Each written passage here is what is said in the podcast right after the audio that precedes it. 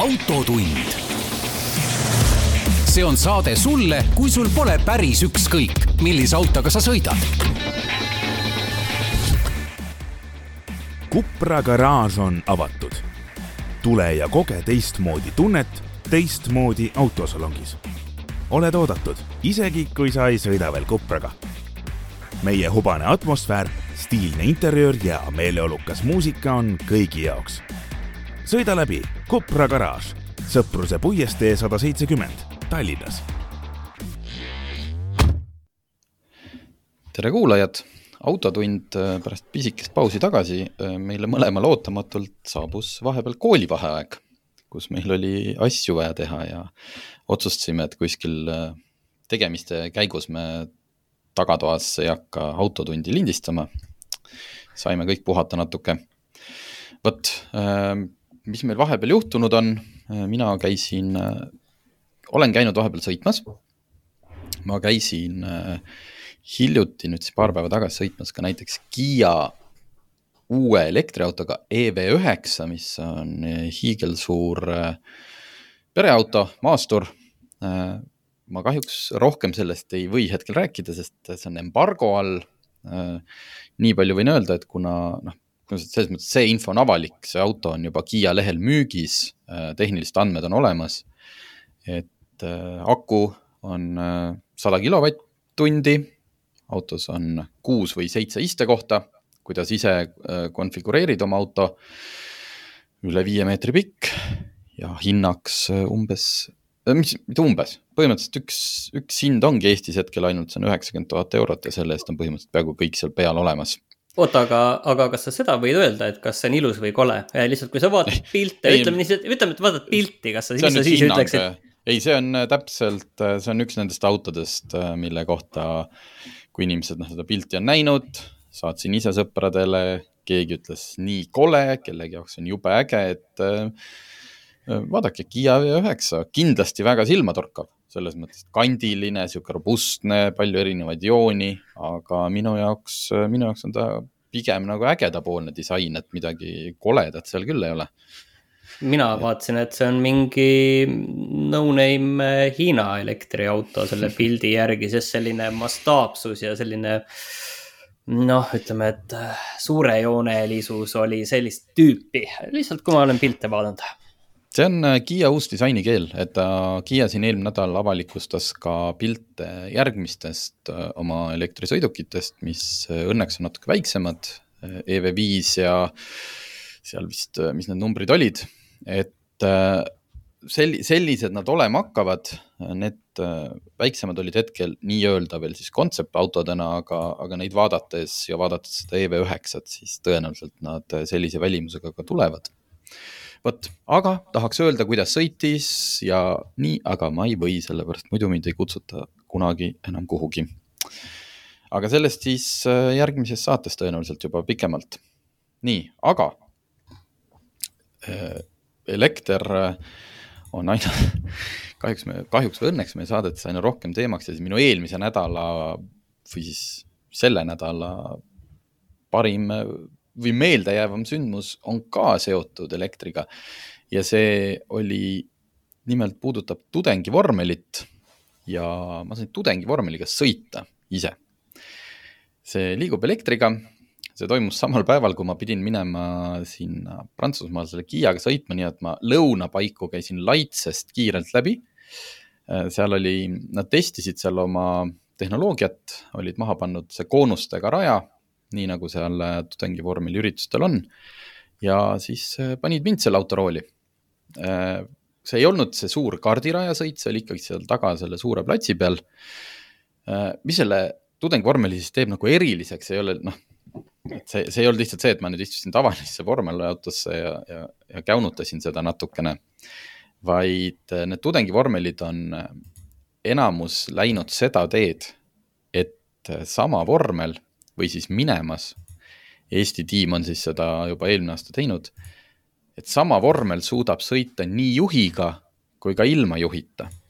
ehk siis äh, auto aeti välja, mina panin muuseas esimest korda elus selga päris võidusõiduriided ehk siis selle tulekindla siukse kombinatsiooni. kiiver pähe, istusin sellesse autosse, sõitsin seal koonuste vahele tehtud ringi, mis on päris väike. nii palju, kui ma no põhimõtteliselt jaksasin. et mulle ei öeldud nagu otseselt, et tee nüüd, tee nüüd kolm ringi, aga ära rohkem küll tee, sest et meil saab muidu aku tühjaks, et selles mõttes oli tore. mulle ei pandud nagu otseselt mingeid piiranguid ette. et ka, ka selles osas, et kui kiiresti ma selle läbida võin või kui noh, sõida nagu sõidad, et kui, kui hakkama ei saa, et kõige hullem, mis seal juhtub, on see, et tudengid või noh, nad peavad seal neid koonuseid natuke tagasi panema. ja siis äh, pärast, äh, kui mina olin oma sõidu ära teinud, tõsteti korraks üles, muudeti seal roolisüsteemi, põhimõtteliselt noh, ühendati teistmoodi, et äh, mitte enam siis rooli keeranud, vaid seal see hüdraulikasüsteem hakkas rooli keerama ja siis läks sõiduk ise rajale. aga nüüd on, ma tahaks küll öelda, et me nüüd tegime siis tehisajuga võidu. Nad mõõtsid minu ringiaega, aga kahjuks ma pidin ennem ära minema, sest et eh, ma kirjutasin lennukile ja neil oli vaja seal natuke veel oma tarkvaraga tööd teha. et ma ei tea, milliseid ringiaegu sama raja peal sõitis tehisaju. kunagi ma kirjutan sellest loo ka, siis saame teada. ma ei usu, et ma võitsin sellepärast, et tegemist on ikkagi tegemist on võidusõiduautoga. ma arvan, et vaata, see on tegelikult ka tulevik, ütleme, et kui vormel ühes ikkagi tulevik see, kus äh, mm, inimesed hakkavad ikkagi võidu sõitma masinatega, et see on ikkagi ka tulevik nagu omaette täiesti nagu tase lihtsalt, et tuuagi teha nüüd see asi nagu põnevamaks, ikkagi selline klassikaline, hakkame liikuma sinna inimesed versus äh, robotvõitluste maailma, et esialgu mm -hmm. veel mitte, mitte võib-olla veriselt, aga, aga võib-olla, no et seal on võib-olla, et äh, et see, see, see vormel, mida see tehisaju juhib, et võib-olla ta võtab selliseid riske ja mõtleb, et kuidas ta saab ka vastaseid niiviisi kõrvaldada, et tema jääb ikkagi teele, aga see vastane ei jää teele. seda ju ka päris inimesed on aegade jooksul teinud, et meelega otsa sõitnud ja, ja., ja teinud, et aga noh, võib-olla arvuti oskab neid julmemalt kalkuleerida, neid asju. nii et tulevik on tore ühesõnaga noh, kuna tegemist oli elektrivormeliga, siis äh, loomulikult äh, noh, võimas kiirendus, äh, pidurdus ja kuna ta on, ta on ikkagi noh, võrdlemisi lai ja ma esimest korda noh, pidin kogema seda, et kui sa tegelikult istud võidusõiduautos, siis see nähtavus sealt ei ole ülemäära nagu hea või ühesõnaga, ta ei ole hea selles mõttes, nagu sa oled harjunud. et kõik, kõikide ilmselt võidusõitjate jaoks oli see täiesti tavaline, see, et sa noh, peanupp napilt äh, paistab üle selle juhi või no üle rooli ja, ja oma positsiooni rajal sa siis äh, pead tajuma kõigi oma erinevate kehaosadega. esirattaid näed, päris tiivanurki ma ei näinud. hästi lamavas asendis, küll oli see, et kui päris võidusõitja seal võistlustel on, siis temal on ikkagi see nii-öelda noh, ist, istmekorvilaadne väike asi veel pannakse sisse, et teda kinni hoida, mina mina olin seal suhteliselt vabalt sees, liikusin. aga jah, et äh, päris raske oli see selili, lähed sisse, siis üks avastad, on niimoodi, et kuidagi nagu lösutaks diivanil pikali. oli väga raske, ma ütlen teile, et äh, ma sain lõpuks sain ikkagi hoo ülesse niimoodi, et äh, tundsin, et ma ikkagi juba nagu sõidan kiiresti. aga jah, väntsutamist oli kõvasti ja mis minu puhul tavaline eks ma siis äh, tulingi, äh, lõpetasingi oma sõidu ära, kui süda juba pahaks läks. aga kihvt, et äh, nad arendavad siis järgmise aasta vormelit. sain seal jällegi palju targemaks, et see on ikkagi noh, see, noh, mida seal tehakse, on ikkagi sisuliselt kõik ehitavad need tudengid ise, et okei okay,, loomulikult need aku äh, akud, sellid või kuidas sa nimetasid, sell nüüd eesti keeles ähm, Ra, mitte rakud, aga. jah. ühesõnaga akud, akud tulevad, akud ostetakse, eks ju, loomulikult nemad kasutavad ühe Hiina tootja akusid. aga näiteks kogu see kokpit, kõik, kõik need vedrustuse detailid, kõik, mis on seal süsinikjõust. et see vormitakse siinsamas, põhimõtteliselt needsamad tudengid ise tegelevad ka selle vormimisega. et noh, kõik, kõik, kõik peab ise tegema, et äh, väga, väga kihvt tundus see kõik. no mina ei tea, siis ma räägin asjadest, mis ei ole nagu nii kihvtid, on ju, et see tegelikult äh.... jah, hoia, hoiame seda rolli, et mina räägin alati sellest, kui noh, kui lõbus mul oli või siis olen millegi peale vihane ja sina räägid äh, olulistest äh, päevapoliitilistest sündmustest.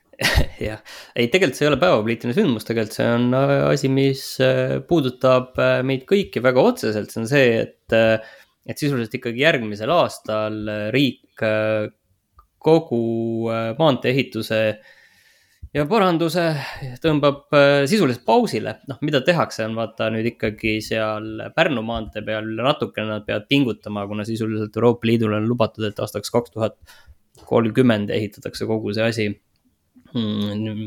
ma ei tea, oli vist neljarealiseks on ju, aga noh, saame näha, kas see juhtub, aga seal äh, Pärnust Tallinna poole natukene hakatakse tegema ja mida vist äh, veel tehakse juba praegu, on siis seal Pärnust äh, Äh, Läti poole seal juba praegu tehakse.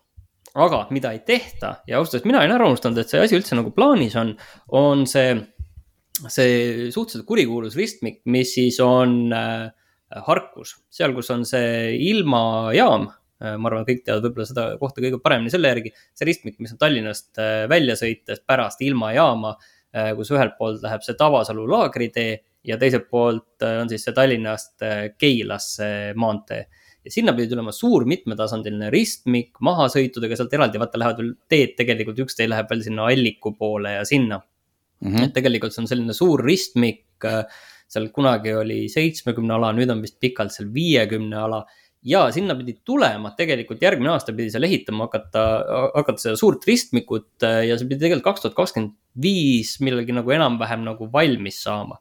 ja nüüd tegelikult see kõik projekteeriti valmis ja siis avastati, et oi, et see läheb nagu kaks korda rohkem maksma ja sellepärast äh, seda ei hakata tegema, et sinna lihtsalt tehakse üks ülekäik ja, ja pannakse sinna, sinna ka kiiruskaamera, et see nüüd lahendab selle probleemi ära. et äh, selle juures on tegelikult nagu naljakas see, et kui seda hakati ehitama või noh, planeerima tähendab, siis selle hinnaks pidi, pidi olema kuusteist pool miljonit, millest neliteist, kuueteistkümnest neliteist pidi kinni maksma Euroopa Liidu, Euroopa Liit ja selle fondid. et lihtsalt kaks miljonit oleks olnud selle tegemine, noh nüüd avastati, et oi, aga see läheb maksma kolmkümmend viis miljonit. ma ei ole ka nagu, ma ei tea, ei ole tee-ehitusekspert, aga arvestades seda, et kui vähe järgmine aasta ehitatakse, et kas siis tõesti nagu tõuseb see hind tõesti üle kahe korra, kui tee-ehitajatel ei ole sisuliselt mitte midagi ehitada. aga nüüd on igal juhul jah, et oi, hind tõuseb kahe korra ja nüüd meil enam ei ole raha, et seda teha, aga noh, ma tahaks näha, et äh, palju on tegelikult selle projekteerimise ja kõige peale juba investeeringuid tehtud, raha kulutatud. ja nüüd Maanteeameti hinnangul äh, noh, me kaks tuhat kakskümmend viis alguses saame selgeks, et, äh, et kui suure osa me saame katta sellest fondidest, et palju sellest Euroopa Liidu fondidest me suuname hoopis kuskile mujale ja, ja siis saame üldse vaadata, et, et mis on need võimalused seda projekti ellu viia. et selles mõttes noh, see on ikkagi, see on ikkagi noh, ikkagi ma ei tea, ma ütleks, et kohutav jama nojah, ma alguses, kui sa selle uudise mulle saatsid ja ma sain aru, et noh, tõesti, et, et Eesti riigil oleks olnud välja vaja käia kaks pool miljonit ja me oleks saanud uue turvalise liiklussõlme, aga nüüd, kui sa täpsustasid, et tegelikult on see kaks koma viis miljonit pluss siis kõik see, mis üle nagu planeeritud selle hinna läheb, et siis me ju räägime ikkagi sisuliselt mingist, ma ei tea, peaaegu juba kahekümnest miljonist mm.. kes tahab täpsemalt lugu lugeda, siis selle kohta on artikkel äh, Delfi Fortes, kuskohast ma praegu seda refereerin. Aga, aga, aga selles mõttes, et see on tõesti nagu täiesti jabur, et kui see alguses on plaan olnud nagu väga hea, väga mõistlik ja mida tegelikult on ju tegelikult viimase kümne aasta jooksul päris hästi tehtud, on kogu see Tallinnaga piirnevad need liiklussõlmed, et neid on äh, hakatud ju lahendama päris hästi, noh, kogu see Tallinna, see suur ring sinna tehtud ju sinna Saue juurde on tehtud, kõik on uuendatud väga kenasti. sinna Narva poole tehti need sillad, uuendused, kõik väga tore. ja, ja see oleks olnud ka kogu see, aga mis seal täna nagu ongi, on see Keila poolne pool on äh, probleem no ja, ja probleem on see, mis on Tallinnas sees veel Narva maanteel, et see on üks er eraldi asi, mida põhimõtteliselt peaks Pornhubist vaatama üldse. aga see, see, see, see ütleme, et mingid asjad on nagu väga hästi tehtud ja siis, kui ongi üks väike asi veel, mille võiks nagu noh, tegelikult ei ole väike asi, aga see on oluline sõlm, mille võiks ära teha ja kuhu sinna tegelikult tee läheks eh, mit, päris pikalt veel neljarealiseks muutuks. tegelikult see tee, mis seal täna on tegelikult kaherealine noh, Keilasse, et see on ikkagi tipptundidel ikkagi täielik õudus tegelikult. et see, see tee võiks olla tegelikult sisuliselt Keilani neljarealine. no vot äh,, aga jääb ära. jääb ära, jääb ära ja ma arvan, et jääb, jääb väga kauaks ajaks jäävad sellised asjad ära, tundub nii, aga kui siin juba läks rahast ja siis räägime veel äh, asjast, mis puudutab mitte ainult sealkandis sõitjaid, vaid natuke nagu kõiki, räägime natuke nüüd liikluskindlustusest. Äh, põhimõtteliselt on siin kaks, äh, kaks teemat. üks on see, et me vaatasime liik-, Eesti Liikluskindlustuse Fond annab ilusti iga kolme kuu tagant teeb oma statistikat. me alustasime seda lugu siis, kui oli väljas esimese, selle aasta esimese kuue kuu statistika. nüüd on värskelt ilmunud üheksa kuu statistika. ja mis jääb silma, on see, et võrreldes eelmise aasta esimese üheksa kuuga on keskmine aastamakse kerkinud kakskümmend neli protsenti. Äh, okei okay, niimoodi üksikuna võttes, eks ju, siin noh, teeme, pommiseme kohe inflatsiooni ja kõik on kallim, aga eks ju, hinnatõusul peaks ju alati olema mingi põhjus. võiks ju arvata, et siis me sõidame, et kahjud on suuremad ja me kõik teeme rohkem avariisid. aga kindlustusjuhtumite arv samal perioodil on kaks protsenti vähenenud. ja keskmine kahju on tõusnud kõigest kolm protsenti, ehk siis hind on tõusnud kakskümmend neli protsenti, kahju kolm protsenti ja arv äh, kaks protsenti. nüüd tegelikult on oluline veel äh, vaadata, mis toimus eelmine aasta, et eelmine aasta tegelikult tõusis sama, samuti keskmine aastamakse kakskümmend protsenti.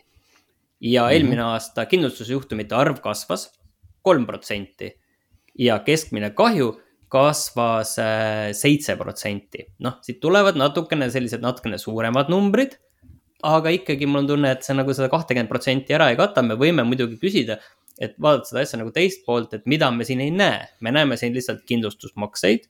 Eh, palju kogutakse raha, palju on kindlustusjuhtumeid, palju on neid äh, mitmetel juhtudel on vaja neid välja maksta ja kui palju raha on vaja, vaja välja maksta, noh, mida me siin muidugi nagu ei näe siit. on palju, on tõusnud nii-öelda nende fondide mm, nii-öelda haldustasud ehk selle all ma mõtlen seda, et näiteks noh, tööjõutasud on ju, et sellised pooled, et seda me siin ei näe. aga sina suhtlesid ka liikluskindlustusfondiga, et mis sealt selle kohta öeldi? ja küsisime siis järgi, et äh, miks siis hinnatõus, sest et äh, ega see, et äh, ma ei remonditöökodade töötund ja varuosade hind, et see ei ole nüüd ju mingi selle aasta teema, et see on ju tegelikult äh, ammu juba kerkinud, et pigem ma arvan, see hetkel on äh, juba stabiliseerunud. no ongi stabiliseerunud, kui keskmine kahju on tõusnud ainult äh, kolm protsenti, siis järelikult Just. ongi stabiliseerunud, ega see õnnetuste iseloom ilmselt on ju keskmiselt Eesti peale suhteliselt sama. tegelikult see näitabki ju seda, et palju on varuosad ja töötunnid äh, selle aja jooksul tõusnud.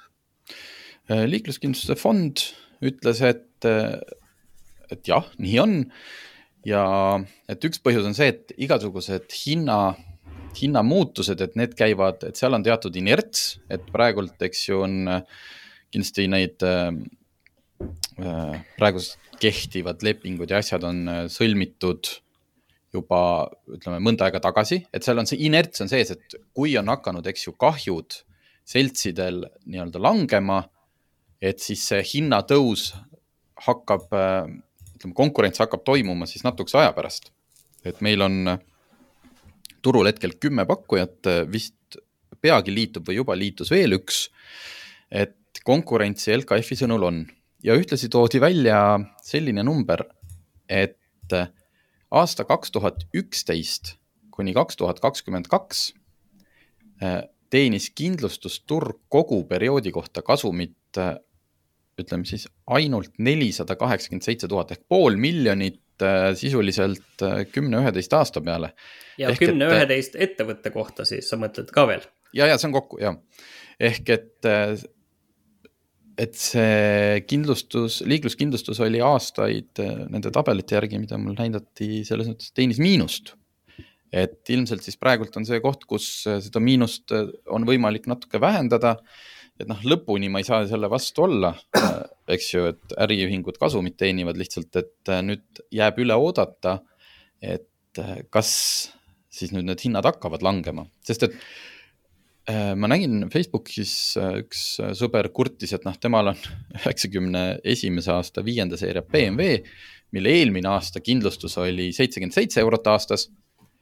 ja vahepeal tema sõnul ei ole muutunud mitte ükski tingimus ehk et auto ei ole osa-, tema ei ole osalenud avariis, auto ei ole osalenud avariis, sinna ei ole kantud uusi kasutajaid. ja tema sai uue perioodi pakkumise kaks korda kõrgema. ehk et seal oli kõige parem pakkumine oli vist umbes sada nelikümmend eurot aasta. lasime siis siin enda autosid ka läbi ja noh, selles mõttes mina, mina sain odavama pakkumise, kui näiteks ma nüüd juunis uuendasin ja kui ma panin nüüd sama auto, samad andmed praegult, siis mina saaksin äh, näiteks odavama pakkumise. et, äh, et me, kui ma LKF-iga käisin kohtumas, siis ma, ma üritasin natuke ikkagi veel selgemaks saada seda ka, et kuidas see hind siis kujuneb. Äh, seal üks LKF-i juhatuse liikmetest pani enda auto ka meie koosoleku ajal sisse.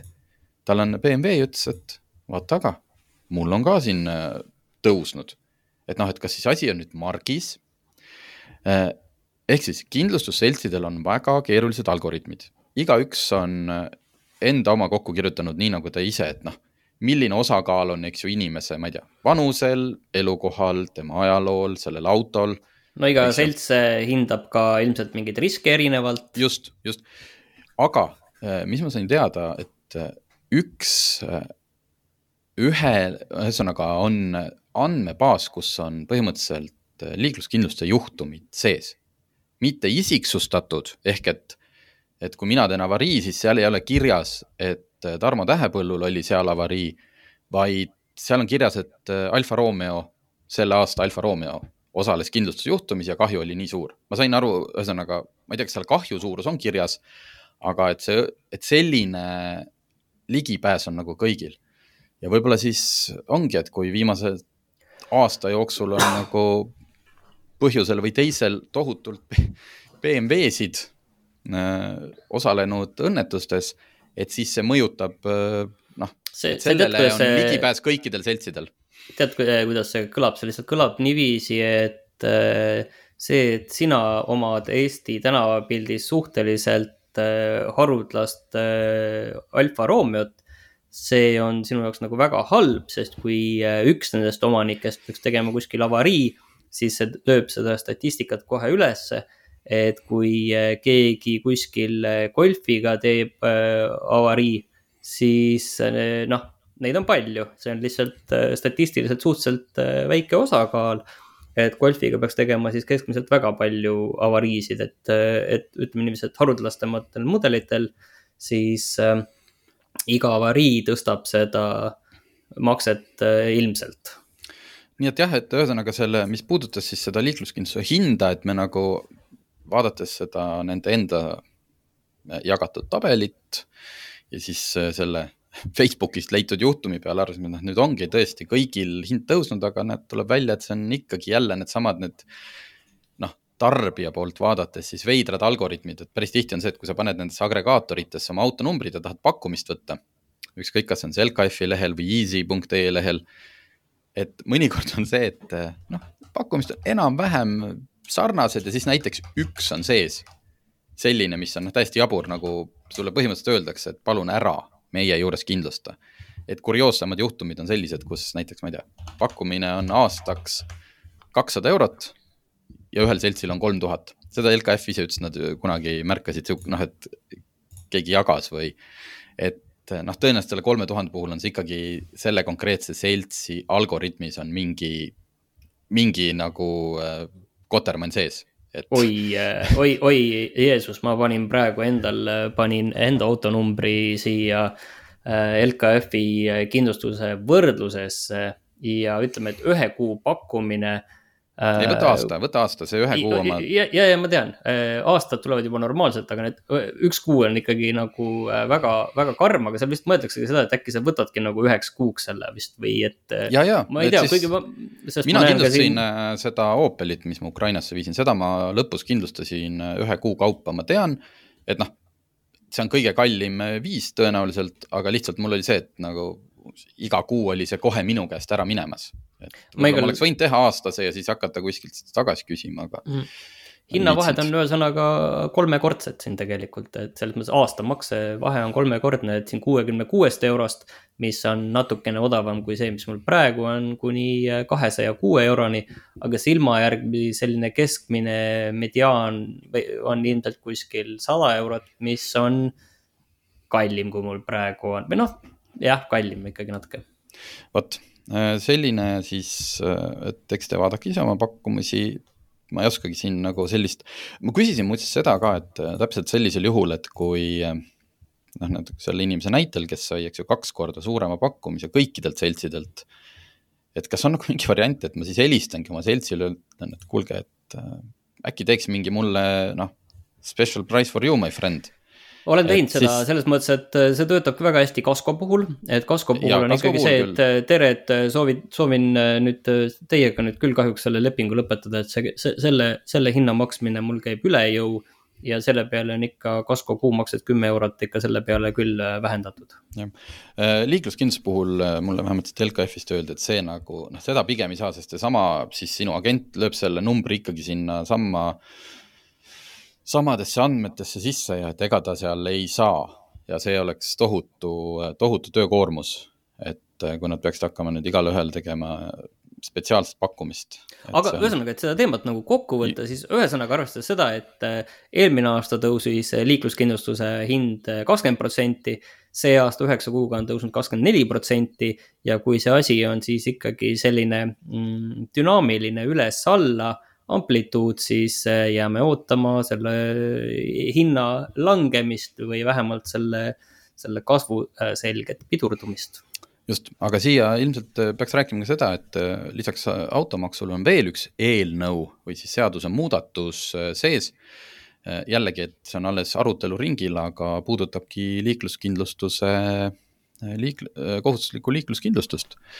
ja paar, paar asja, rääkisime ka sellest LKF-ist, mis seal siis võiks äh, tavatarbijat äh, kõige rohkem puudutada, et seda seadust muudetakse nende sõnul peamiselt seetõttu, et Euroopa Liit on äh, andnud direktiivi välja ja siis meie seadust viiakse sellega kooskõlla.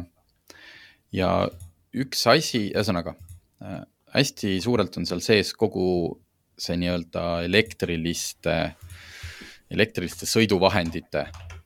me, me võime siin rääkida kõigest, aga me teame, et räägitakse tõu, elektrilistest tõuksidest ja peamiselt renditõuksidest. Nende kindlustamine, et Euroopa Liidu direktiiv ütleb, et äh, kõik ainult mootori jõul, ehk siis siia ei käi sisse need elektrirattad, mis annavad sulle väntamisel nagu natuke jõudu juurde, vaid need, mis liiguvad ainult mootori jõul, elektrimootori jõul. Äh, kõik, mis sõidavad üle kahekümne viie kilomeetri tunnis peaks olema kindlustatud ja kõik, mis sõidavad üle neljateist kilomeetri ja kaaluvad üle kahekümne viie kilo. et selle kohta LKF ütles, et see on nagu, et see on nüüd siin arutlusel, et see, et see tundub natukene, natuke tehtamatu, sest et neid sõidukeid ei saa registreerida. et sa ei saa Transpordiametis isegi, kui sa tahad oma tõuksi, mis võib-olla sõidab, ma ei tea, seitsekümmend kilomeetrit tunnis, et sa tahad olla selline noh, aus kodanik, registreeridagi seda mootorsõidukina sa ei saa, selline võimalus puudub. ja nüüd see on küsimus, et kui need sõidukid ei ole registris, et kuidas siis, et noh, et politsei siis peab tänaval mingi noore või, või kasutaja kinni, võtab talt selle tõuksi näpust ära ja paneb kaalu peale. et ahaa, teil on siin kakskümmend viis koma üks kaalub, inimene ei teagi ju, palju tal see tõuks kaalub. ühesõnaga, see on üks äh, seal üks variant on tegelikult vist see, et kindlustada ikkagi ainult, teha see kohustuslikuks ainult ettevõtete sõiduparkidele ehk sisuliselt me räägime Boltist, Tuulest ja, ja ma ei tea, kui neid teisi ka veel siin turul alles on, et nendel on see kohustuslik, aga eraisikul eratarbimises ei ole, et ma saan aru, et see on ka üks variant. Jah, see pidi Taanis olema kasutusel, et ühesõnaga see on arutlusel, siis teine on see, et kindlustuse alla lähevad ka näiteks ATV-d ja lumesaanid, millel ei ole, ühesõnaga, mis ei ole registreeritud avalikel teedel sõitmiseks aga et ka need tuleks ära kindlustada. Noh, näiteks siis kõik need metsas tehtavad lõbusõidud ATV-dega, mis noh, praegult on täiesti, võibki sõita. ta ei ole registreeritud maanteel sõiduks, aga et, et ka nendele kindlustuskohustus.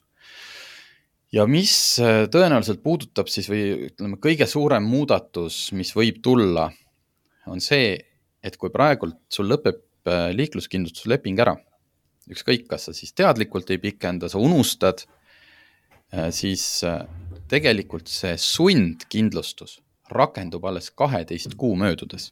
nii et sisuliselt on see sõiduk kaksteist kuud, kuni kaksteist kuud, siis ähm, see võib olla ka kaks nädalat, kuniks sa siis lähed ja teed kindlustuse. ilma kindlustuseta, aga ma saan aru, et vastutus selle eest lasub ikkagi sellel viimati kindlustanud seltsil. ehk et kui sa teed selle autoga avarii, selts äh, peab maksma kinni selle teisele osapoolele tekitatud kahju ja siis nõuab selle loomulikult sinult sisse. et, et sa päris nii ei pääse, et sina kindlustust ei maksa, aga, aga, aga kaitse, noh, selles mõttes sul on, on nagu selle... see on väga huvitav selles mõttes, et kuigi nagu kindlustuse nagu leping saab läbi, siis see nõutakse sisse, et minu meelest seda asja hakata, hakati nüüd nagu äh, lahendama natuke valest poolest, et võib-olla võiks äh, sellelt äh, kindlustusseltsilt, kellel see leping oli, võib-olla võiks temalt üldse ikkagi selle kohustuse maha võtta, sest see ei ole loogiline tegelikult. et Nii, kui leping enam ei kehti, siis võtab riski täielikult enda peale see kindlustusselts, kes, kellel see teine auto või sõiduk selles õnnetuses, õnnetuses oli. et see on osa ette, riskist, see on osa riskist. ei no kujuta ette, siis ju mingid tüübid, et kui sa seda sisse ei nõua kellelt, et siis see teine pool hakkab sinult, ühesõnaga. Ei, õnnetuse põhjustajalt saab ju ikka sisse nõuda ah,. Okay, lihtsalt, lihtsalt õnnestub, lihtsalt siis ei maksa seda kinni see selts. selles mõttes see selts, kes seda autot oli varem kindlustanud, et see, et üks inimene põhjustas avarii, see kuidagi ei välista seda, et sellelt inimeselt saaks ja, seda raha sisse nõuda. keegi peab et kellelgi tekib see, kellelgi tekib see haldus, keegi peab nagu selle inimesega kohtus käima, ta peab vahepeal. see teine selts, see teine selts ja igal juhul tema... teine selts siis ikkagi, me jõuame ikkagi selleni, et miks nüüd äh, siis äh, kindlustusseltsid tahavad äh, seda muutust, et kui sul kindlustusleping lõpeb, siis sul hakkab automaatselt esimesest päevast kehtima nii-öelda äh, et see eelmine leping jätkub. et see ei, et sul ei tekikski võimalus. aga kallimalt. vot, ma läksingi selle jutuga, et noh, et kui praegult see sundkindlustus, sellele on seaduse poolt pandud vist äh, mingi piir ette, et noh, et selts ei saa sulle sundkindlustust panna mingi või LKF paneb seda mingi tohutu kirvega, aga ta on ikkagi tõenäoliselt kallim kui see, mis sa ise võtaks. praeguse eelnõu või selle idee järgi oleks siis niimoodi, et tegelikult, kui sul hakkab leping lõppema, sa saad selle sa saad selle uue, uue perioodi pakkumise tegelikult mitu nädalat juba varem. nüüd on küsimus, kas sa avasid selle, kas sa vaatasid seda, kas tegid sellega midagi? võib-olla see läks sul kuskile eesti.ee aadressile, eks ju, et noh, sa ei oleks seda kunagi näinud, aga tegelikult see pakkumine on olemas.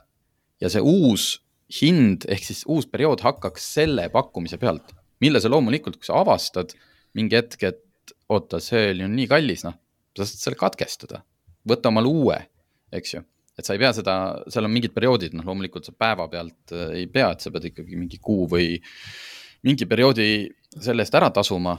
aga just see, et ei teki seda mingit kaheteist kuust auku sinna vahele. okei, okei, aga kui ma nüüd kogu seda asja nagu vaatan, selle uue seaduse pilti, siis on see, et äh, mis siit nagu läbi kumab, on see, et päris mitu uut kindlustust tuleb ja sundkindlustus muutub varasemaks ja, ja siis ilmselt ka nagu kallimaks ikkagi siis siit kõlab nagu läbi seesama mure, mis, eh, millega me tegelikult selle kindlustuse esimeses pooles äh, alustasime. et äh, kümne aastaga on seltsid teeninud äh, kasumit pool miljonit. et tegelikult äkki oleks vaja siin nagu uusi tuluallikaid selles raames. Ja, ja nüüd on ikkagi väga tore, kui me ikkagi teeme neid asju siia juurde, et selles mõttes kokkuvõttes, et ega liikluskindlustusfond Eestis on ju seadusi ei tee aga, aga siin nagu ikkagi ütleme niiviisi, et äh, riigil on, mille üle mõelda, mina ütleks niiviisi. ja ma küsisin arvamust äh, siis ka Autoomanike Liidult, kes, äh, mis pandi kokku, eks ju, küll automaksu valguses, aga tookord, kui Simmo Saar meil stuudios käis, ta ütles, et näiteks ka liikluskindlustus on üks, üks teema, millega nad esimeses, esimese hooga kohe tegelema hakkavad ja nende vastus oli lühivastus praegult, et nad äh, seda eelnõuga alles tutvuvad. Äh, aga on seesama, et kui nüüd tegelikult tekibki see, et esimesest äh, kuupäevast kohe see ehk siis automaatkindlustus jätkub, mis tähendab seda, et, et kindlustusfirmadel tekib nagu nii-öelda tagatum turg, kasutavad nad sellist sõna, ehk siis sisuliselt on sulle garanteeritud nagu järgmise perioodi kindlustus juba ka mm. -hmm. Ja, ja on garanteeritud mingitel hetkedel äh, automaatsem, äh, äh, automaatselt kõrgem marginaal. just, et, et siis peaks olema see, see hind olema õiglasem ja alluma konkurentsiseaduse reeglitele. ehk siis seega tuleb uues olukorras, ma nüüd tsiteerin, seega tuleb uues olukorras vaadata üle tänased pehmelt öeldes ülepaisutatud sundkindlustuse tariifid, noh ja muuta süsteem tarbija jaoks õiglaseks. et nüüd on, me räägime siin tegelikult erinevatest terminitest, sundkindlustus on see, mis sulle mitte ei pane selts, vaid see tuleb LKF-i kaudu, see aasta pärast. nüüd räägitakse sinu kindlustuslepingu pikenemisest, mille puhul võib-olla ma ei, selles mõttes ma ei ole, ei räägi siin seltside eest, aga näiteks kui sa oled selle pakkumise kaks nädalat varem või millal iganes tuleb lahti võtnud, noh, võib ju olla teoreetiliselt, et sulle on tehtud soodsam pakkumine sellele perioodile. ehk et ta tingimata nagu ei ole nüüd kallim. et mm -hmm. keegi ei, vot, sellised asjad on, aga see on eelnõu, me hoiame ja, kätt, lihtsalt... kätt pulsil üks asi lihtsalt veel, et, et mõnes mõttes vaata, ma nagu ei olnud nagu selle automaksu osas nagu kindel, et, et noh, siis oli ka ikkagi jah, see mure nagu oli, et kas autoomanike liit või noh, küsimus on see, et kas sellist asja on vaja või miks sellist asja on vaja. aga praegu selle liikluskindlustusseaduse puhul ma nagu näen küll, et milles siin on mure, on see, et, et meil on väga üks asjast huvitatud osapool, see on see liikluskindlustuse fond ja, ja kogu see kindlustajate liit, kes on nagu ühel pool, kellel on oma huvid ja, ja siis on äh, rahandusministeerium, kus see vist valmis, äh, kellel on ka veel, äh, ma ei tea, mingi enda nägemus, aga ütleme, et kes nagu tegelikult päriselt siin seda inimese poolt esindaks ja kas nagu Riigikogus lõpuks, et kas see seadus lihtsalt koputatakse läbi või tekib ka mingi reaalne arutelu ja, ja seal seda tavainimeste poolt ikkagi nagu tõsiselt kaalutakse, et et, et tegelikult ongi kahju, et siin ei ole nagu seda teist äh, huvipoolt ja, ja võib-olla see Autoomanike Liit või keegi teine ikkagi suudab see antud juhul olla. tahaks loota, et kui Autoomanike Liit kuulab, et siis, äh, et arusaadav, et see iga, igasugused seaduseelnõudest läbinärimine on suur töö, nendest arusaamine ja näha, et seal, ühesõnaga natuke tuleb ju ka näha, et kes millise punkti taga on jah, et seda ei lobistataks kuskile ühte poolde kaldu no, ära. hästi, ma üldse ei väida praegult, eks ju, et noh, ma ei tea, Bolt või Tuul kuskil lobistab, aga näiteks, et kui kindlasti ei tule seda, et korporatiivkasutuses olevad tõuksid äh, noh, ei, ei peagi kuidagi registreerima ja kindlustama, et äh, noh, et kas siis ja, ja see kuidagi surutakse jälle tarbija kaela, et kas see on õiglane või ei ole, et seal neid huvilisi on päris palju. nüüd tuleks lihtsalt, et oleks kuskil mingi kuidas ma ütlen, mitte sõltumatu, aga ilma ärihuvideta osapool äh, suudaks ka sellest seadusest läbi närida ja vaadata, et äh, see tuleks võimalikult õiglane. nii, äh, teeme siia lõppu natukene autojuttu veel. mul on siin kirjas, et eile või siis ühesõnaga teisel novembril, millal iganes te kuulate, avalikustati uus Škoda Superb. kes tihedamini autouudiseid jälgib, siis tegelikult mõned nädalad tagasi avalikustati ka täiesti uus Škoda Kodiaq ja Superb on lihtsalt äh, Kodiaqi noh, põhimõtteliselt andmed, kogu see tehnoloogia, uus ekraan, kogu see uus interjöörisüsteem, kus sul seal äh, need äh, kolm suurt nuppu, mis on siuksed kliimaseadme nupud, et need on omakorda väiksed ekraanid, mille keskel sa saad, noh, ühesõnaga funktsiooni valida, et sa ei pea seal keskel midagi väga näpuga ajama, vaid lihtsalt erinevad funktsioonid. pistik hübriid tuleb Äh, kuni sajakilomeetrise sõiduulatuse, elektrilise sõiduulatusega. ja mis mulle alati, ma isegi ei tea, miks mulle, see lihtsalt, võib-olla ma olen natuke vanem inimene juba. Äh, valikusse jäävad alles ka diiselmootorid.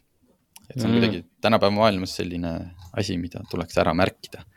sest et äh, me oleme viimasel ajal kuidagi natukene diiselmootorid armastama hakanud just sellepärast, et nad kui sa neid õigesti kasutad, siis on nad jube ökonoomsed, et äh, kuniks me kõik ei saa veel puhta rohelise elektriga sõita, põhjuseks enamjaolt lihtsalt sellepärast, et elektriautod on nii kallid.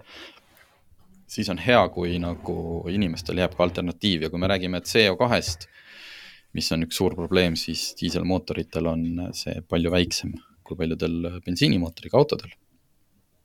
vot, nii et äh, Superb jõuab Eestisse järgmise aasta, kas see oli teises kvartalis ja siis tulevad ka hinnad, nii et kohe veel pole mõtet poodi joosta.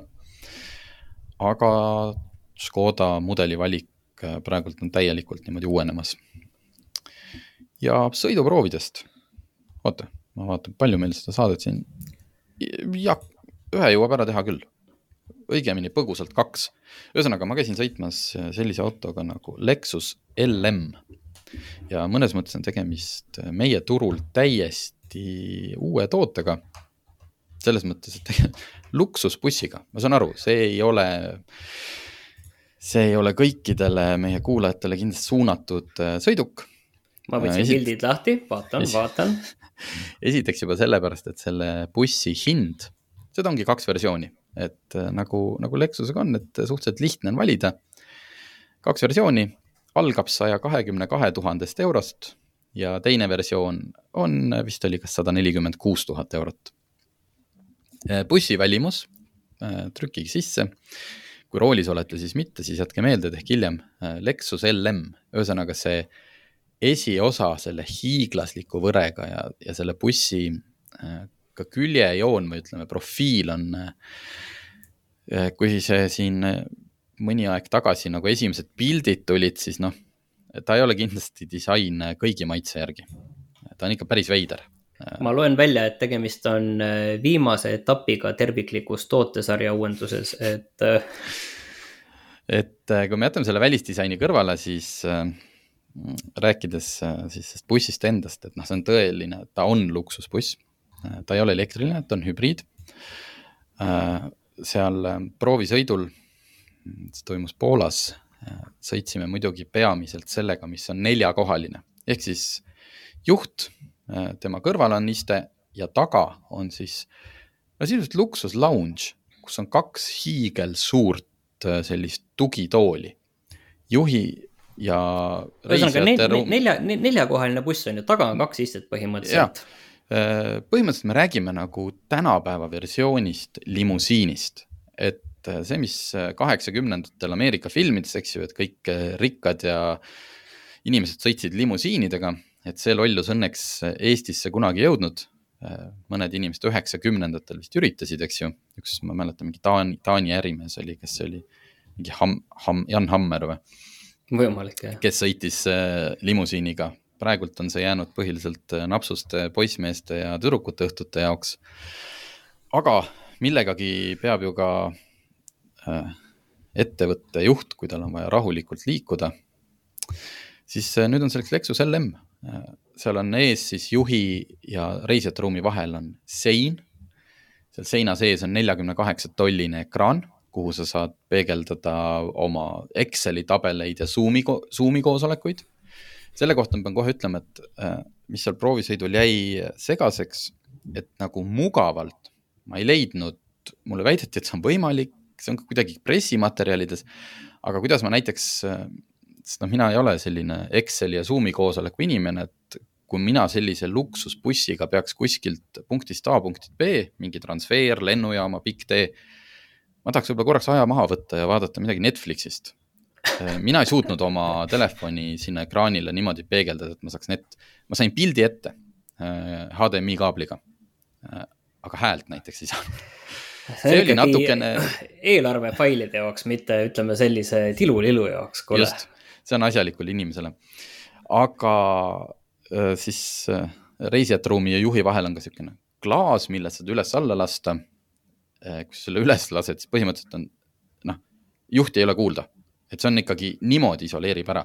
kogu see buss on tõesti megavaikne, aga, aga seal on äh, seda aktiivset mürasummutust, äh, kõike. Äh, aga tehtud on hästi palju nagu, et, et sa saad nagu, et seda avarust, noh, katusaken, küljeaknad, põhimõtteliselt saab ka küljeaknad lahti alla lasta, mis busside puhul on väga haruldane. et, et sul ei tekiks seda, et sul paha ei hakkaks sest kui sa lõpuks ennast täiesti isoleerid igalt poolt ära, sa ei näe liikumist ja kui see on liiga vaikne, et siis, siis hakkab paha, seal ei hakanud. Üks asi, tähendab, millest Nii.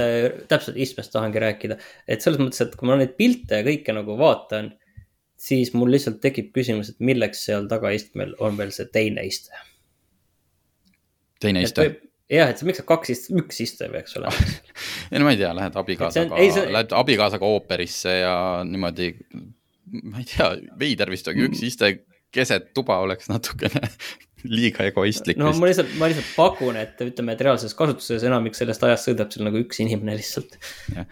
ühesõnaga, noh, tõeline luksusbuss, nii äh, sellel, sellest on ka seitsmekohaline versioon, mis maksab ainult sada kakskümmend kaks tuhat seitse on ta paberites, tegelikult on ta kuus pluss üks, ehk siis äh, need kaks äh, teise rea tooli on põhimõtteliselt peaaegu samasugused luksuslikud äh,.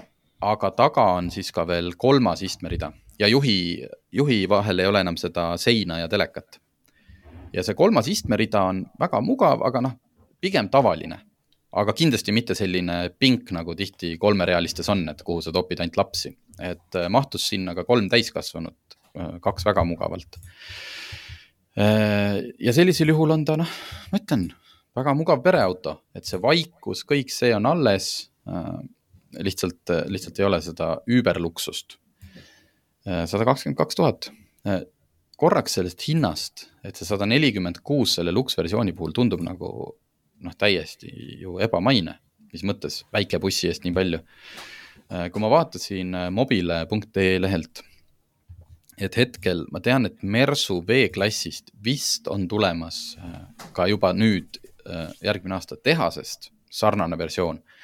Aga hetkel on äh, olemas sellised ettevõtted, mis ehitavad neid ümber.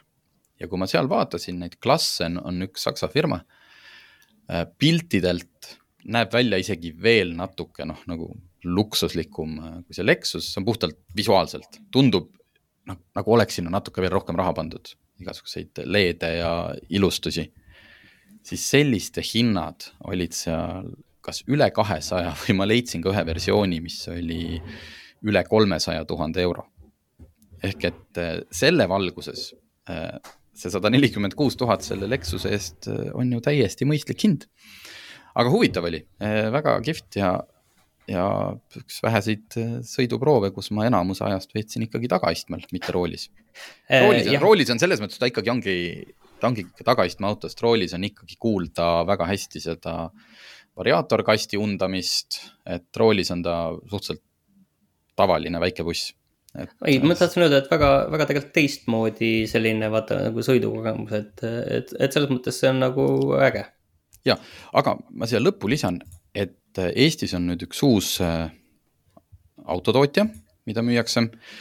põhimõtteliselt siis äh, palju kardetud, oodatud äh, Hiina on jõudnud kohale sihukese autoga nagu Maxus. Nende koduleht on ka juba täiesti olemas, maxus.ee, United Motors esindab neid.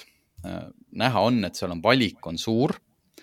mitmed autod on ka juba kohal, on olemas hinnakirjad mina sain põgusalt proovida sellist autot nagu Maxus Mifa üheksa, see tegelikult anti mulle päris mitmeks päevaks.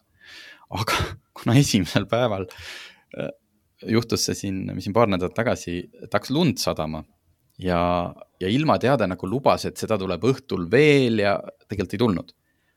aga ma jäin selle lörtsi kätte ja esimesel ristmikul suverehvid äh, libisesin päris korralikult, nii et mul võttis ikkagi põlved udisema nii et äh, siis pärast esimest neljakümmet kilomeetrit ma ikkagi helistasin, ütlesin, ma toon selle auto nüüd tagasi, teeme teinekord uuesti, et äh, mina ei julge, aga see Maxus Mifa üheksa on põhimõtteliselt sama kontseptsioon nagu see Lexus LM luksusbuss. Et seal taga keskmises reas on kaks sellist hästi mugavat tooli, mis igasse asendisse langevad.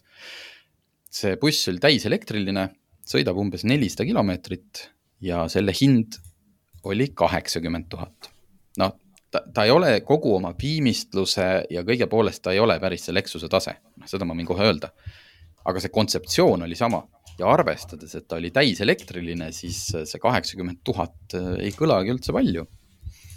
Et ma nüüd ootan, millal ma saan seda uuesti ja pikemalt proovida, aga, aga siia lõppu sobis hästi, et äh, me saame varsti teada vastuse küsimustele, mida ma olen pidanud mitmes äh, erinevas väljaandmes käima kommenteerimas, et kas need Hiina autod nüüd tulevad ja tapavad kogu Euroopa autotööstuse ära et. Äh, see, see hirm on nagu või ütleme, et see arvamus on tegelikult jah, sellel aastal ikkagi väga-väga palju kasvanud ja tegelikult müüginumbrid ka tegelikult toetavad seda, et minu meelest, kui ma nüüd ei eksi, siis see aasta on nagu esimene aasta, kus noh, Hiina autosid nagu Euroopas nagu päriselt müüakse nagu mingi arvestatav kogus, mis muidu varem on olnud tegelikult ju üle Euroopa suhteliselt marginaalne see kõik. jah, sest äh, teistes riikides on ju veel neid äh, marke rohkem Euroopas müügis, siin äh, Büd ehk Build Your Dreams ja, ja sellised. kui ma nüüd seda maksuse hinnakirja vaatasin võtsin sealt see Maxus Eunic kuus, selline suurem linnamaastur, sõiduulatus kolmsada viiskümmend kuni nelisada vist viiskümmend kilomeetrit. et noh, mahukas, ma ei, ma ei oskagi öelda, et ma võrdleks teda siis näiteks noh, ta umbes langeb mahutavuse poolest selline Ioniq viis või, või Volkswagen ID4, võib-olla natuke suurem, sõiduulatuse poolest sama. ja selle hind kodulehel oli ikkagi üle viiekümne tuhande euro. kas oli äkki viiskümmend neli tuhat? et noh, et selle Hiina autode põhiline argument on see, et tulevad ja tulevad hästi odavalt ja tänu sellele või selle tõttu siis Euroopa autotootjad äh, peavad pillid kotti panema. aga kui ma vaatan, noh, viiskümmend neli tuhat, äh, selles hinnaklassis, selles hinnaklassis on mul seal väga palju valida, et äh, ja peab ikkagi julgust olema, et sa siis lähed ja valid selle, selle raha eest siis selle Hiina auto mis võib-olla on ma, ruumi poolest võib-olla natuke suurem, kõike on natukene noh, vähemalt paberil rohkem. aga noh, me ei räägi odavast Hiina autost praegult. et äh, neid, neid ma ikkagi jätkuvalt veel ootan. et kus nad on siis? ja, et Dacia on kindlasti seal kõrval, hiinlaste, hiinlaste kõrval ikkagi noh, väga-väga odav no ei ole, ei ole tegelikult ühtegi odavat praegu müügis, see Dacia, see on selline väike linnavõrr, et äh, sellest Dacia Springist. no jaa, äh, elektriliselt okei okay,, jah. lihtsalt Citroen äh, tõi just välja äh, elektrilise C3-e, selles mõttes tõi välja nagu avalikustas, et mitte veel Eestisse, kus siis räägitakse alla kolmekümne tuhande hinnast ja aastal kaks tuhat kakskümmend viis ka, ka C3, mis peaks jääma kuskile kahekümne tuhande tuuri. ka Volkswagen on sellist autost rääkinud et äh, nüüd on näha, kas Euroopa tootjad saavad ennem oma autod sellised soodsad, millega kannatab ka noh, niimoodi pikemaid sõite teha turule või siis, äh, või siis tulevad kuskilt need müstilised odavad Hiina autod. hetkel neid veel pole. vot nii, selline sai tänane saade, et äh, kuuleme siis järgmine nädal jälle. Kupra garaaž on avatud. tule ja koge teistmoodi tunnet teistmoodi autosalongis. oled oodatud, isegi kui sa ei sõida veel Kupraga. meie hubane atmosfäär, stiilne interjöör ja meeleolukas muusika on kõigi jaoks. sõida läbi Kupra garaaž, Sõpruse puiestee sada seitsekümmend, Tallinnas